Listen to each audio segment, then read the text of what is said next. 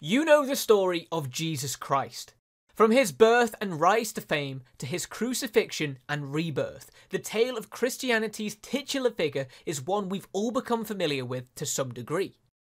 But what if it played out differently? What if Jesus became consumed with rage from his treatment, broke free from his torment, and unleashed a wave of violent vengeance against the non believers?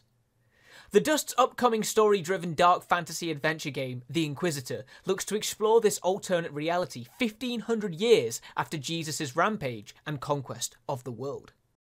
Based on the I Inquisitor book series by author Jacek Piekara, this game revolves around the character of Mortimer Madderdin, an inquisitor who serves the church and imposes God's will.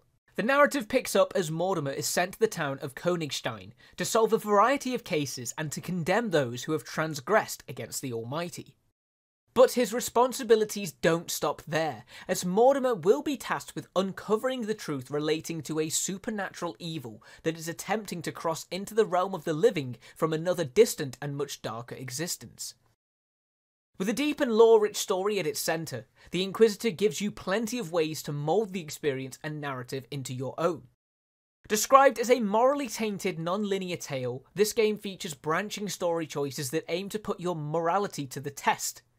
It's up to you to decide whether Mortimer is a kind and just law enforcer, or instead whether he is vengeful and apathetic. Whichever direction you choose will affect the world and the characters that live within it. As the Inquisitor serves up a collection of cases and investigations to solve, the Dust has equipped Mortimer with all the skills and techniques necessary to be able to crack even the toughest and most complex crimes and mysteries. Between tracking down and interrogating suspects, piecing together evidence, and even being able to enter the mysterious unworld to be able to unearth well kept and deeper secrets, Mortimer has all the abilities he might need and more to serve in the name of the not so righteous Jesus Christ. The Inquisitor is more than just following leads, however, as Mortimer will need to flex his critical thinking skills to overcome a variety of puzzles found throughout the game. With many leading to vital clues to further your investigations, you can expect challenging puzzles at various points throughout the story to keep you on your toes. And speaking about keeping on your toes, you'll find that not every civilian is as docile as you might like, meaning you will need to be prepared to pull out your sword and let its steel do the talking. Here, Mortimer can study his foes, find openings, and target weak points, all to use brute force to loosen the tongue of a particularly hardy suspect.